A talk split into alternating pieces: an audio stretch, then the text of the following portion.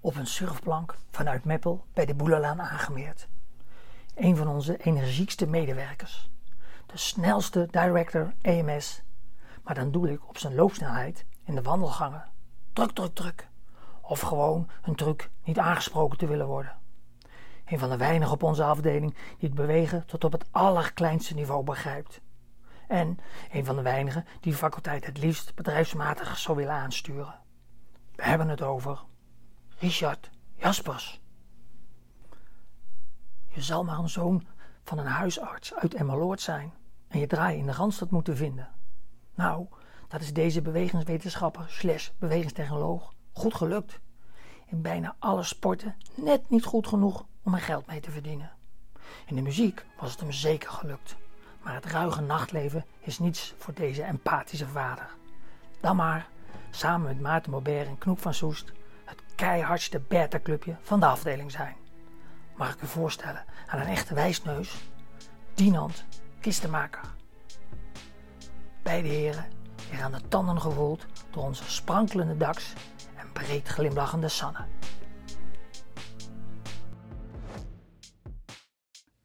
Wil ik bij jou beginnen, Dinant? Zou je jezelf nog wat meer willen voorstellen? Wie ben je? Wat, wat is je functie? Wat, hoe ben je daar gekomen? Ehm, nou ja, mijn historie gaat al heel lang terug. Ik denk nou ondertussen al een jaar of 25 ook bij de faculteit. Eerst als student en eh, later gepromoveerd. Ehm, en ik ben een tijdje naar Canada geweest. Vijf jaar als postdoc. En toen stond ik eigenlijk een beetje voor de keuze. Ik had een aanbieding gekregen om eh, naar de Verenigde Staten te gaan, in een mooi lab. En ik eh, was bezig met een beursschrijven om terug te komen bij de VU. En die heb ik toen gekregen. En toen heb ik toch uiteindelijk gekozen om terug te gaan naar de VU. Waar ik kon samenwerken met mijn, mijn oude promotiebegeleiders Maarten Bobberg en Knoek van Soest. En dat zijn gouden gasten. Dus daar wilde ik heel graag mee mee samenwerken. Dus ik heb voor gekozen om, om terug te komen naar Nederland. En toen kreeg ik de kans om wat vakken te geven. Want Maarten die ging met sabbatical naar Brazilië. Dus toen heb ik wat vakken overgenomen. Dat ging allemaal hartstikke goed. En het onderzoek ging goed. En toen heeft de faculteit besloten om mij contract te geven. Dus ik ben nu verbonden aan de faculteit als docent en onderzoeker. Dus dat is een notendop mijn carrière. Oké. En we gaan misschien zo nog even hebben over wat voor onderzoek je dan precies doet. Dankjewel, Dinan. Laten we nu uh, naar de tweede gast gaan, Richard Jaspers. Als student, zo kom, kwam jij altijd op ons over dat je zoveel passie had voor je vak en zoveel beleving, dat, dat je daar altijd mee bezig was. Nou, dat was niet gefaked misschien. ik was er ook wel veel mee bezig hoor, dat klopt, ja. Alright, ja. Is, is dat nu anders? Ik weet dat je in februari ben je tot hoogleraar benoemd. Ja, klopt. Nou, dat, dat, heeft een hele andere scope nu. Dus toen ik begon als promovendus uh, en als student, nou, meer als student was ik nog niet zo fanatiek, maar als promovendus wel. Heb ik heel wat uren in het lab op de eerste verdieping gezeten. Uh, echt, uh, dat kweken van spiercellen ging altijd door. Dus ja, dat, dat heeft heel wat uren gekost. En daarna ook om ja, in alle verschillende samenwerkingen ja, de dingen draaiende te houden. Het lab en alle ja, verschillende studies parallel te doen. Ja. Dus het was wel uh, intensief, om het zo maar te zeggen. Ja, ja en toen, toen ben je gepromoveerd. En wat is toen het traject wat je hebt doorlopen? Misschien leuk om daar... Nou, ik kan het heel kort. Ik ben bewegingswetenschappen gaan doen in 1990 met het idee van... hé, hey, ik wil iets in de sport betekenen. Nou, na anderhalf jaar heb ik bedacht dat moet meer richting de ergonomie. En toen daarna geswitcht naar uh, bij Maarten een stage gaan doen naar springen. Uh, en ben ik veel meer het fundamentele onderzoek ingegaan.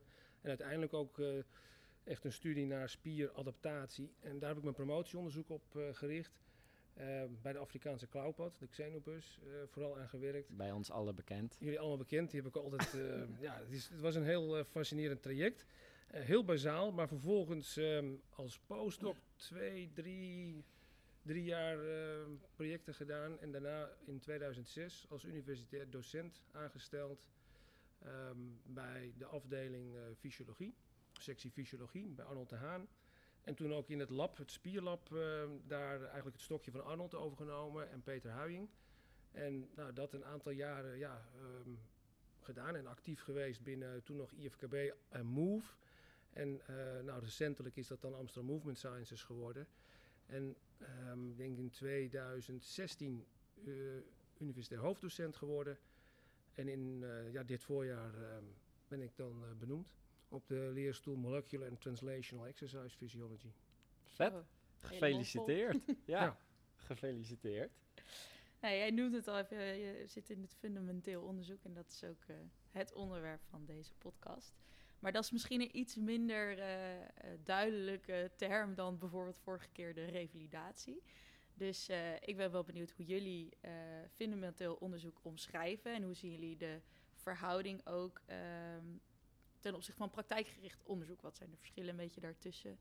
En misschien ook leuk te vertellen van waar je dan zelf expliciet onderzoek in doet op dit moment.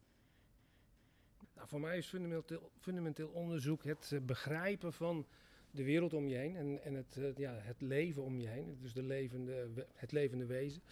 Um, en dat kan dus alles zijn, puur om kennis te vergaren. Zonder dat je direct daarvan de toepassing naar de praktijk uh, eigenlijk kunt uitleggen. Mm -hmm. en dat, um, dus puur kennis. Kan jij ook vinden in die definitie? Ja, kennis weet ik. Dus, ja, kennis is daar denk ik een onderdeel van. Ik denk dat mijn uh, definitie heel dicht bij die van Richard ligt.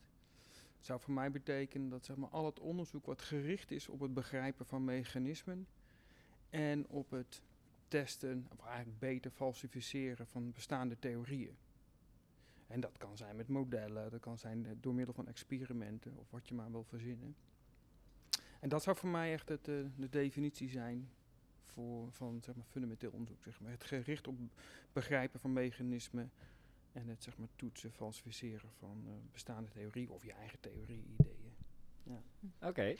Dat is nog niet zo makkelijk, hè? Want voor mij is altijd een van de kernvragen is, is ja, wanneer, wanneer begrijp je nou iets? Zelfs als dat maar iets metaforisch is. Dus, dus wanneer, wanneer begrijp je nou iets? Dat is ook altijd wel interessant doen we altijd denken nog aan, uh, aan, aan vroeger. dan had, uh, had ik les en uh, nou, daar werd dan een model besproken, maar dat was een heel abstract model. Maar dat, ja, dat gedrag kwam wat eruit kwam, kwam dan overeen met de werkelijkheid. En ik zeg, ja, maar ja, ik zeg, ja, nou kan ik dit, maar heb ik het nou begrepen? Want zeg maar, dat wat in het model zit, het is, ik, ik, snap, ik snap gewoon niet wat dat is.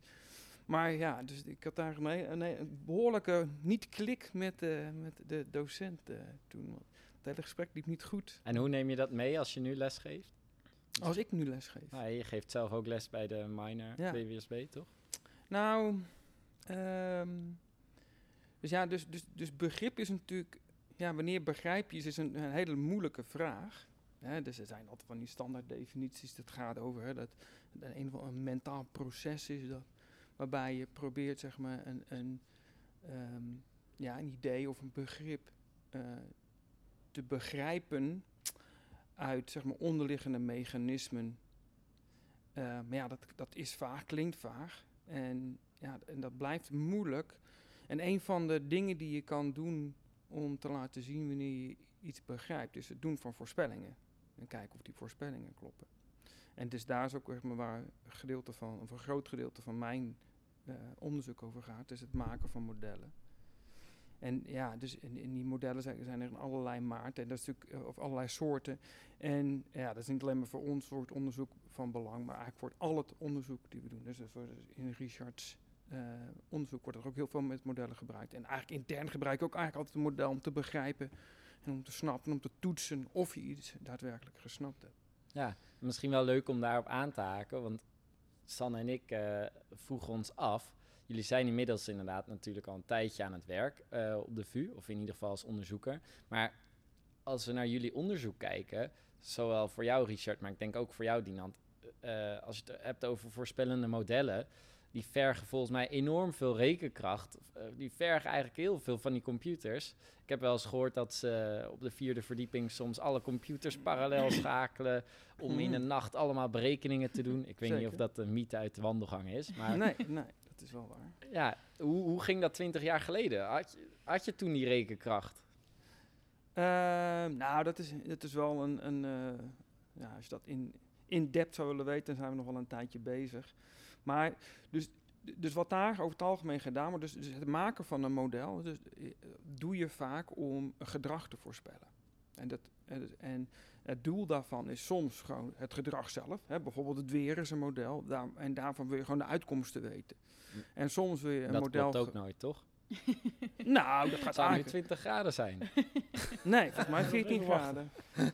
maar, eh, nee, maar dat gaat natuurlijk op zich verbluffend goed eigenlijk. En eh, nou ja, goed, misschien is dan weer dan nog niet een, een goed voorbeeld van of het goed gaat. Maar het is in ieder geval een vo- goed voorbeeld van dat je gewoon alleen maar eigenlijk geïnteresseerd bent van de output van het model, namelijk de voorspelling zelf.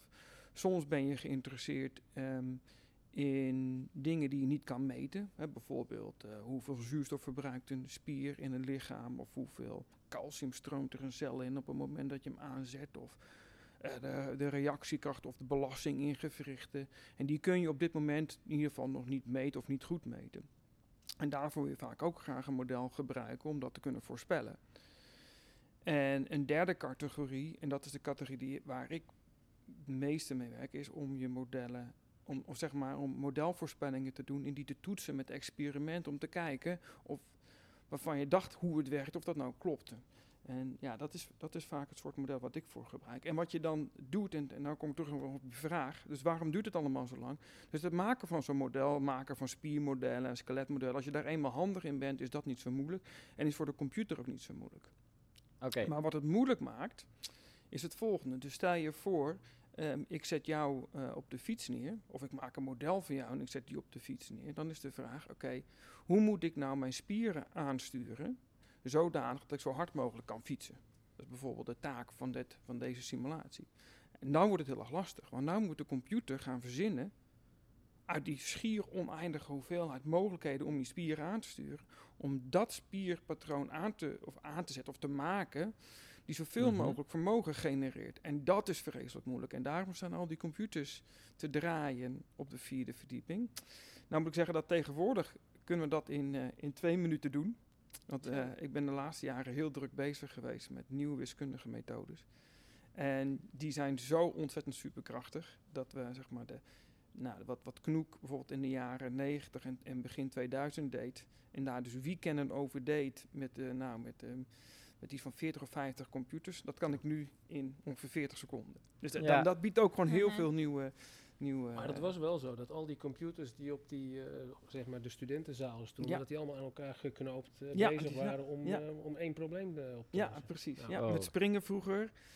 Ja. En eh, met countermovement, dat was ook een hele vervelend, want daar moeten spieren aan en uit. En dan was het springen nog makkelijk en maximaal, hè, want daar gaan die spieren maximaal aan en maximaal uit. Hè, dus volledig aan, volledig uit. En hoef je eigenlijk alleen maar te zoeken naar de aanschakeltijdstippen. Maar je hebt ook bewegingen waarvoor geldt. Hè. Dus als ik jou vraag, ga op 200 watt fietsen, zodanig dat je zo min mogelijk energie verbruikt. Ja, Mhm. dan wordt het in één keer heel erg listig. Ja, en dan, eh, dan heb je, vroeger had je daar nog heel veel computers voor nodig en heel Mhm. veel rekentijd. Ja. Oké, dus ten opzichte van eh 20 jaar geleden is het veel efficiënter geworden. En zeg je hebt veel meer tijd en Ja, over wiskundig om, efficiënter. Ja. Ja. om eh, misschien ook meer in andere dingen te duiken. En Richard, jij zit meer in de celonderzoek ook, toch spiercellen? Als ik me als ik een, eh, iets oncorrect, incorrect zeg. Nee, dat gaat goed. hoor. Ehm, maar heb jij dat ook daar zo ervaren? Dat eh, daar ook technologische ontwikkelingen het veel makkelijker hebben gemaakt? Dat je eh, voorheen veel langer moest wachten? Of dat je veel minder handige technieken had om überhaupt zo in zo klein detail dingen te bekijken? Nou, dat, ehm, het is net even de vraag op welk niveau en hoe je het wil aanpakken. Eh, toen ik begon in mijn eh, promotieonderzoek, toen wilden wij aan één spiervezel eh, condities opleggen en kijken hoe die cel zou eh, veranderen. En daarvoor moest je één spiervezel uitknippen. En nou, van een mens is dat al onmogelijk. Het is er niet. Niemand stelt een hele spier beschikbaar om dat eruit te knippen. En bij muizen en ratten zijn ze zo dun dat het heel eh, lastig is. Dus dan kom je op een model, de, de, de, de Xenopus. En ehm, nou, dat, dat kost Wat gewoon is heel een veel tijd. Xenopus? Kan je dat ook... in, in het Nederlands de Afrikaanse klauwpad. Maar dat, dan weet ik het nog steeds niet. Klauw, een, een pad. Ah, een pad. Een dier. Een- het is Oh, geen kikker, ja. maar een pad. Ja, oké. oké, ja. Die leeft eh, onder water in Afrika in poeltjes en die gaat in de blubber zitten op ongeveer 20 graden. Dus dat is zeg maar de fysiologische temperatuur. En het idee was dat we daar eh, spiervezels van uitknippen en dan met peesjes in leven houden, ze dagelijks stimuleren en dan kijken de condities zo veranderen dat je echt controle hebt. Hè? Want als je in, in, in het lichaam kijkt, dan verandert er heel veel als je condities eh, verandert. En nou ja, dit, dit kan je niet sneller doen, want er is geen andere manier. Dus daar eh, hebben we nog, eigenlijk nog steeds dit model. Alleen het liefst zou je naar een zoogdiermodel gaan. Nou, en dan wordt het heel lastig. Dus Mhm. dat hebben we recent eh, nog een paar jaar geleden met Dinant en Koen Lemaire eh, en, en Knoek een studie gedaan naar kleine bundeltjes van de muis die we dan in een eh, in vitro in, ja, voor een aantal uren in leven houden om alle eigenschappen aan te bepalen. Ehm, maar dat is nog steeds eh, heel lastig. Zou je dat niet gebruiken, dan moet je naar eh, zeg maar wat, wat minder ehm, goed gedefinieerde modellen. Dan krijg je celkweek met, met zeg maar stamcellen en die laat je dan uitgroeien. Maar dan krijg je nooit een echte complete spiervezel met pees en alles eraan. En, Mhm. en dan heb je dus eigenlijk nog niet echt wat je wil. Daar kun je wel in opschalen door gewoon heel veel kamertjes tegelijk te, te vullen. Dus dan kan je wel meer high throughput eh, data genereren. Door te kijken van we gaan condities veranderen en dan zien wat er gebeurt. En ook kijken wat hier met de genexpressie gebeurt en hoe dan die cel daarop reageert. Dat hebben we nu allemaal in huis, maar het is nog steeds niet eigenlijk wat we zouden willen. Nee. Dus En en denk je dat dat wel... Denk je dat daar een oplossing voor gaat Nou, komen? ik, ik ben, was het op dat moment denk ik een van de weinigen in de wereld die die spiervezels uitprepareren. En eh, het is nogal een eh monnikenklus. En je moet er heel erg eh, geduld en, en heel erg eh, ja, eh, microscopisch eh, of microchirurgie voor doen. En dat ehm, kan je leren. Ik bedoel, eh, dat weet Want ik hoe heb jij dat dan geleerd? Nou, heel lang eh, zitten van de analisten bij eh, fysiologie. En af en toe bijna vloekend het lab verlaten als je op het eind van de dag na één hele dag één vezel had die dan op het laatst nog lek prikt. En dan was het einde oefening en dan kon je naar huis. Oh. Dus ik heb heel wat eh, zitten schelden en tieren daar in het lab. Zelfs zodat ik s'avonds dan nog zat en dat dan vervolgens eh eh, dokter Van der Bos, dat was de docent, daar binnenkwam en mij hoorde dat ik heel eh, nogal eh, gefrustreerd was. En eh, dacht van gaat het wel goed daar? Eh, ja. Ja, dat lijkt me ook zo lastig. Dat überhaupt, dan ben je nog niet eens met je, hè, dan ben je wel met je eigen onderzoek bezig, maar nog niet eens met de inhoud. Maar gewoon aan de, Ja. je wilt gewoon überhaupt die spiervezel. Dus eh, Ja, je wil een stap verder. Net wat Dinald net zegt, die modellen, hè, die nieuwe modellen maken met nieuwe technieken, dat vraagt heel veel voorwerk. Op het moment dat het dan eenmaal lukt Mhm. en je krijgt zoiets eh, aan de praat, ja, dan heb je natuurlijk wel ontzettend eh, voldaan. Want Ja. toen we eenmaal die cellen in leven hielden en ze echt voor weken ook eh, ja, konden blijven samentrekken.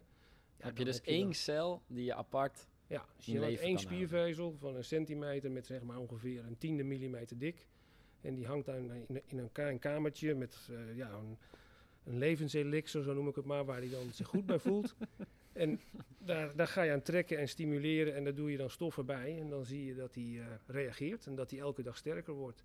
Ja, toen dat gebeurde, toen hadden we wel zoiets van wauw, dit is, nu hebben we iets bijzonders. Het klinkt wel alsof je echt in een achterkamertje ergens een geheim, eh, geheim iets aan het doen bent en dan tot een Eureka-moment Ja. komt. Oh ja, ik heb af, ja, nee, dat klopt, dat kan je wel. Hebben we die momenten hebben we wel gehad hoor. Dat ze echt eh, na dagen zeg maar gewoon ja, die spiervezel dikker en sterker werd zonder dat we ook maar iets deden. Alleen maar deden we er een anabole factor bij. En dan, ehm, ja, toen heb ik wel staan juichen daar, dat klopt. Ehm, hier helemaal op de begane grond of op de eerste verdieping in dit gebouw. Er was ook een achterkamertje, inpandig kamertje, dat klopt. Het wordt een soort Ja, eh, dat van de dokter Frankenstein zo, hè? Zo achter een beetje spieren Nou, kweken. Ja, Ja, spieren kweken, maar ja daar ben je nog niet helemaal, hè? dan ben je nog maar op een eh, klein stukje orgaan.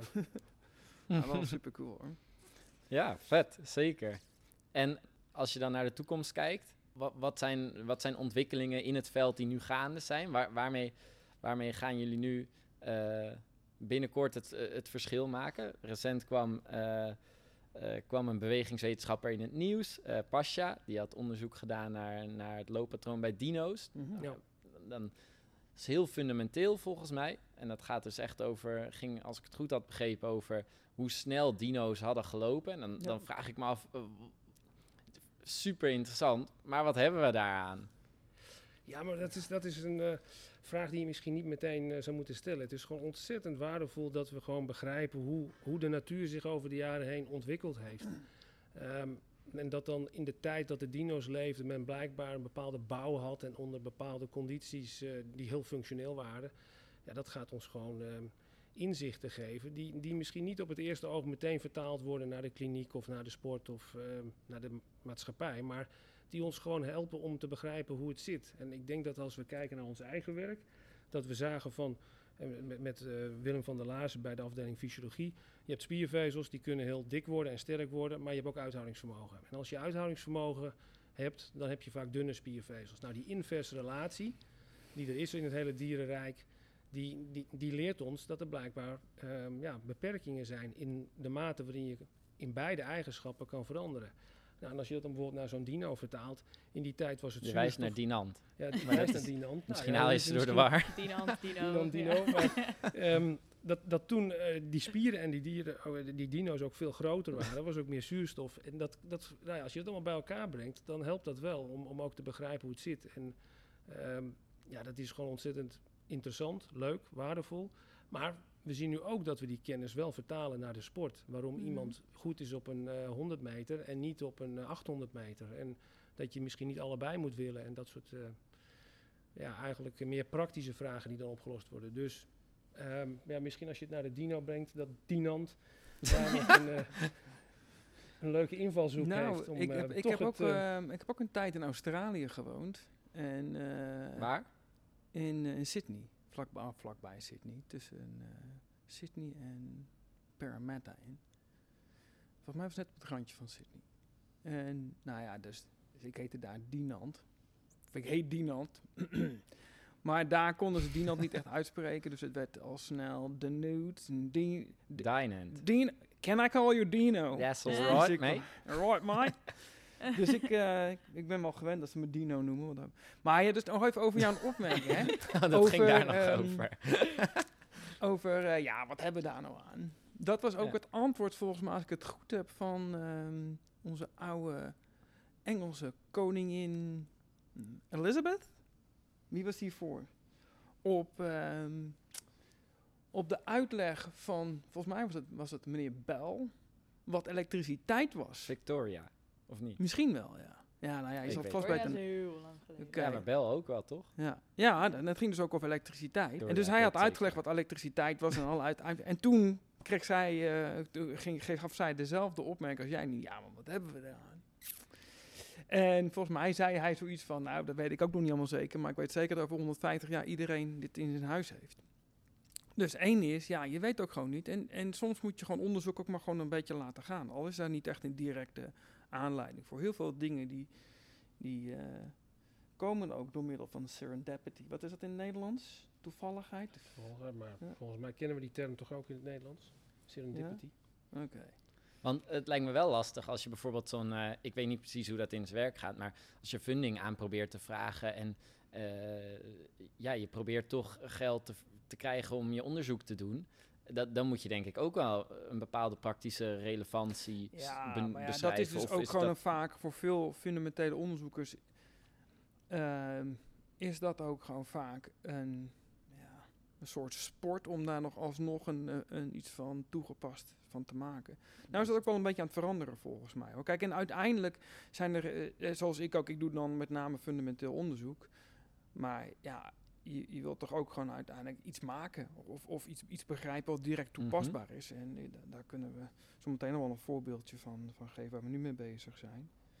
Maar ja, zo dat in het geval van Pasha, ja, dus, dus er zijn gewoon mensen die gewoon heel graag willen weten hoe iets zit.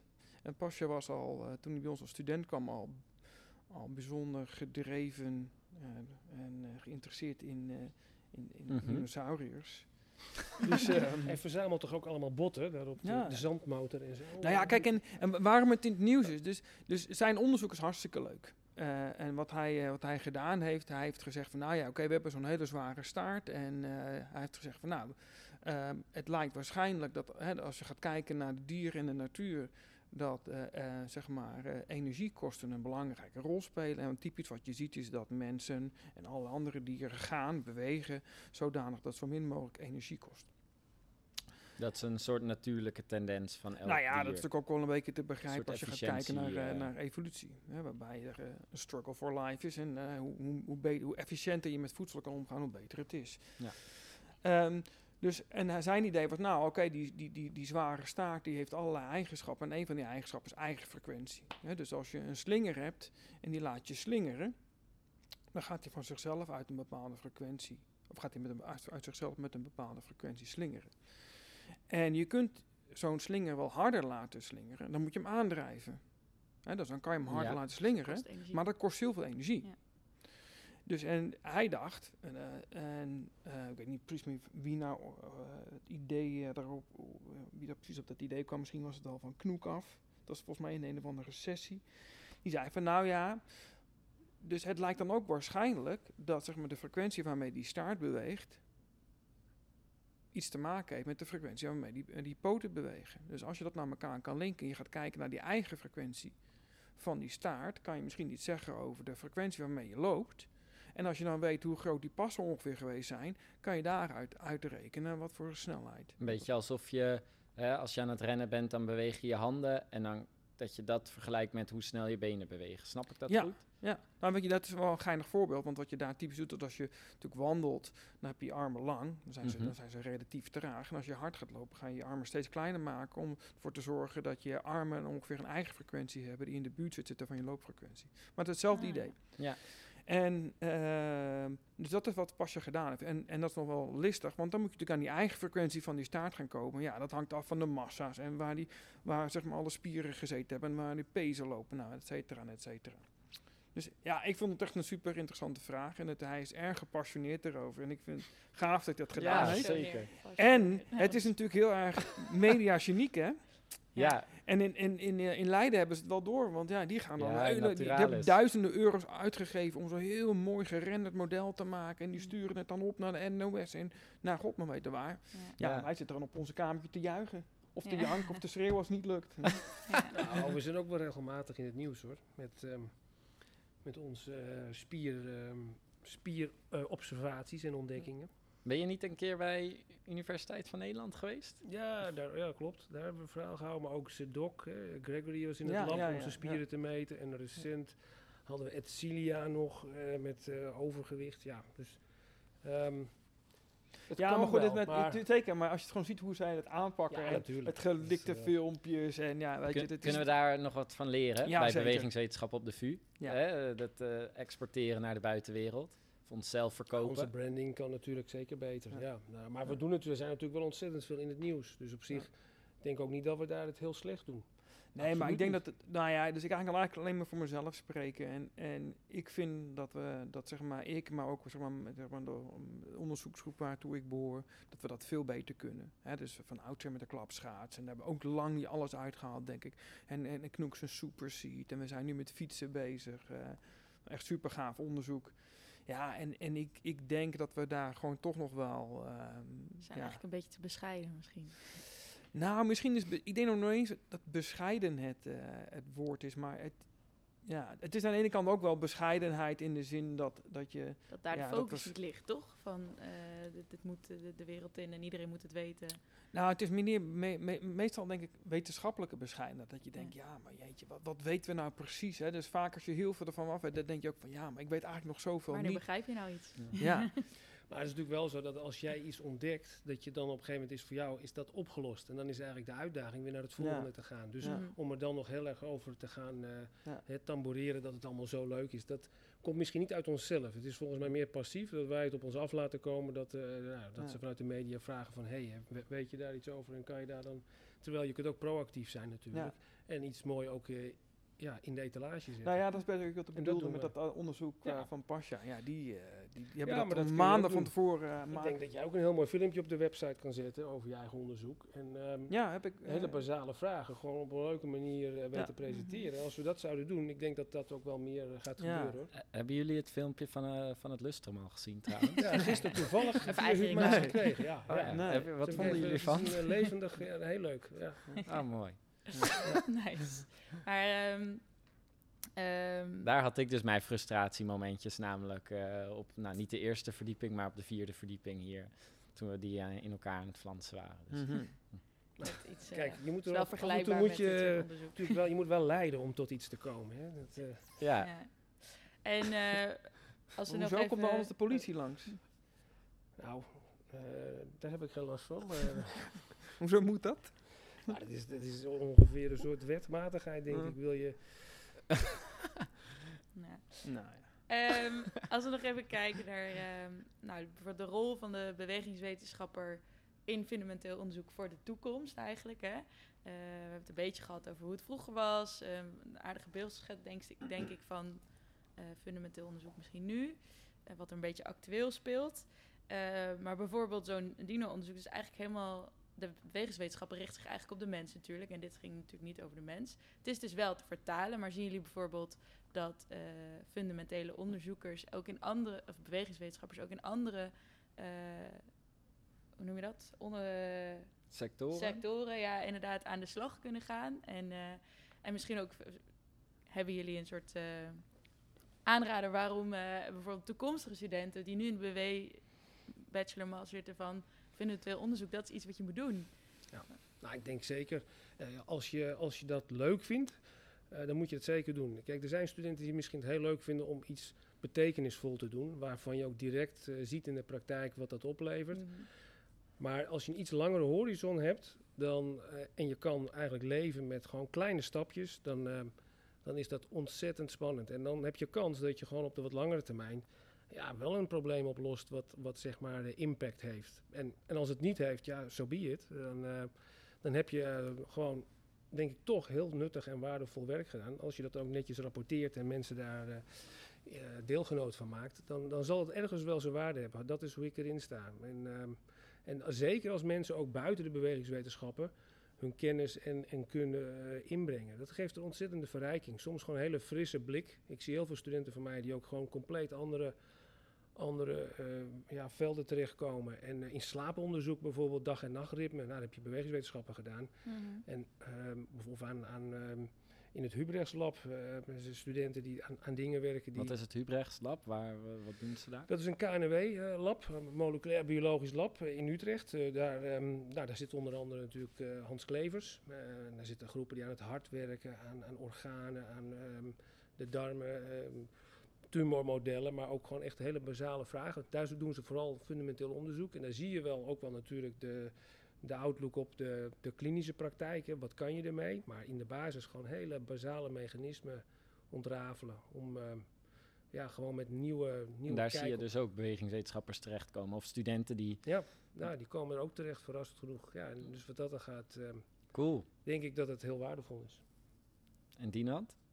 Wat denk jij? Ja, er zijn natuurlijk, ja, of je nou naar een eh, springen van een kangoeroe gaat kijken of bij het springen van de mens, de technieken zijn daar zo'n beetje hetzelfde. Soms heb je ehm, het geluk dat je wat meer mag en kan eh, bij dierlijk onderzoek, los van de mens. En dat kan soms voordelen opleveren in inzichten en de dingen die je kan doen. Maar ja, kijk, als je gewoon een goede opleiding hebt gehad en je kan kritisch en goed nadenken, ja, dan, Kijk, kennis kan je heel snel leren.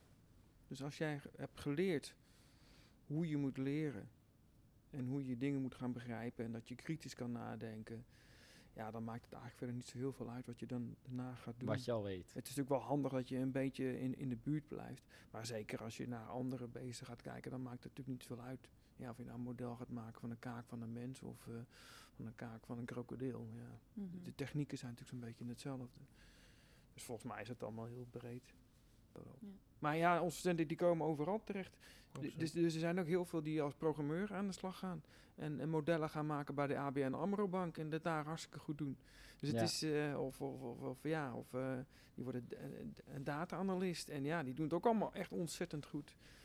Dus Ja. ja. uiteindelijk maakt het dan toch niet zo heel veel uit als je, maar als je, gewoon, eh, als je brein gewoon goed gevormd wordt tijdens zo'n studie. Ja, dan eh, kun je alle kanten nog wel op. Zitten we straks overal. Ja. Nou, Ja. Wat ik het mooie vind is als mensen gewoon hun passie volgen. Ja. Dus wat Pasja deed, eh, maar wat denk ik heel veel andere studenten ook doen. En ook al is dat iets heel fundamenteels, dan als jij een, echt een interessante vraag hebt waar je helemaal ja, door eh, gegrepen bent, dan, dan ga je automatisch leren. Want dan haal je alles erbij wat je maar kan om het probleem te kraken. En daar, eh, daar ligt volgens mij ja, de, de, de crux en de uitdaging. Als je dat doet, dan, dan ga je vervolgens ook ja, vaardigheden opdoen en ehm, die kan je dan overal inzetten. Dus Op de weg naar het antwoord doe je vanzelf de vaardigheden. ja, en, en dat zijn misschien hele basale vaardigheden, maar die zijn juist ook weer toepasbaar in allerlei andere, Ja. op, an- op allerlei andere problemen. Nou, mooi om te horen. Ehm, Lijkt me ook een, eh, misschien een mooie afsluiter. We hebben nog geen Usain Bolt gehad. nee.